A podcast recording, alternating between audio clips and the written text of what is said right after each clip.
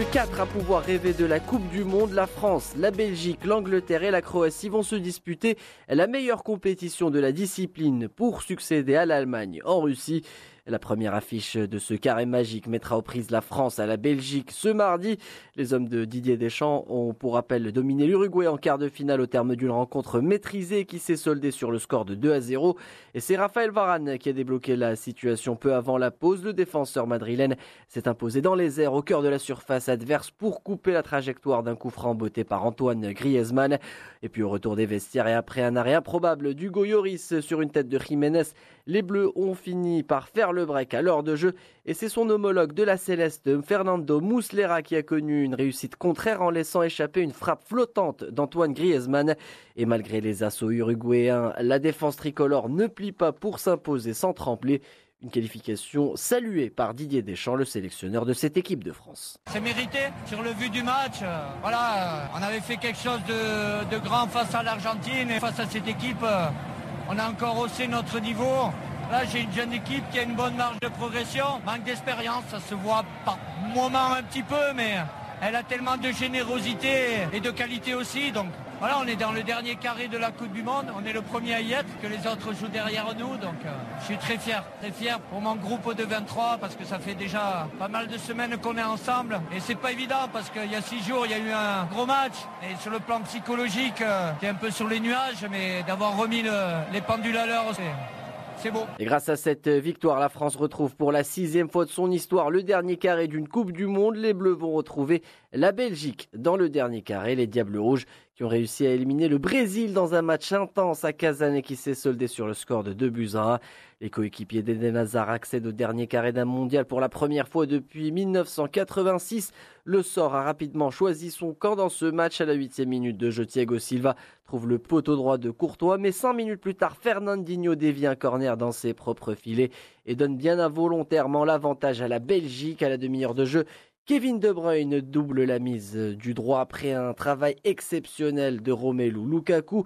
La suite du match est un festival de Thibaut Courtois dans les buts. Le gardien de Chelsea a multiplié les exploits pour maintenir l'avance des siens. Renato Augusto a lui trouvé la faille de la tête à un quart d'heure de la fin de la rencontre. Et après une dernière parade de Courtois, l'arbitre envoie le Brésil à la maison. Il n'y a plus de pays sud-américains engagés dans la compétition après cet exploit historique d'une sélection belge parfaitement portée par ses meilleurs joueurs, à l'image d'un Kevin De Bruyne des grands soirs. On l'écoute. C'était un match spécial pour nous parce que c'était longtemps qu'on n'a pas gagné contre une grande équipe comme ça. On est fiers de, de, de montrer qu'on peut gagner contre cette équipe. Ouais, c'est extraordinaire. C'est pour ça que tu, veux jouer au foot, je pense. Tout le monde regarde les matchs comme ça.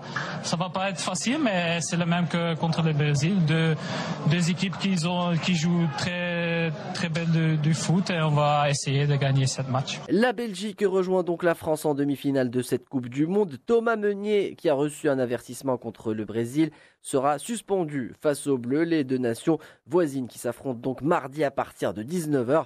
Eden Hazard, la star de Chelsea, revient sur ce choc face aux Bleus. Après avoir vu l'équipe de France jouer en huitième et en quart, je pense qu'avec le Brésil, c'était les, c'était les meilleurs. Mais voilà, on est la Belgique, on a des bons joueurs, donc euh, on va donner le maximum.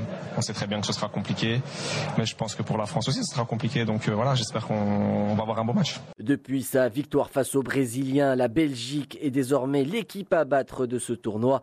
Pas de quoi décourager des Français gonflés à bloc après avoir enchaîné les bonnes prestations. La réaction de Lucas Hernandez, le latéral du 11 tricolore. C'est une très grande sélection, on le sait.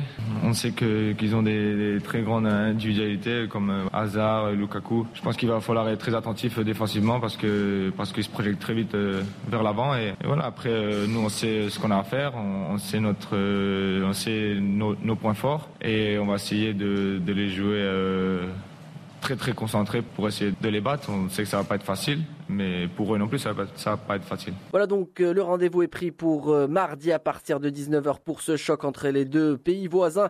Enfin, mercredi, place à la seconde affiche des demi-finales, un match qui s'annonce ouvert entre l'Angleterre et la Croatie.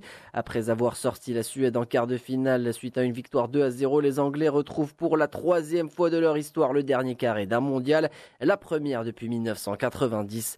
Face à eux se dresse également un revenant, les Croates, qui atteignent pour la deuxième fois ce stade de la compétition après l'épopée de 98 en France avec un certain Davor Souker sur le front de l'attaque. La formation au damier devra cependant se méfier sur le plan physique après avoir été contrainte de disputer les séances des tirs au but en huitième et en quart de finale contre le Danemark et la Russie, pays organisateur de ce mondial 2018.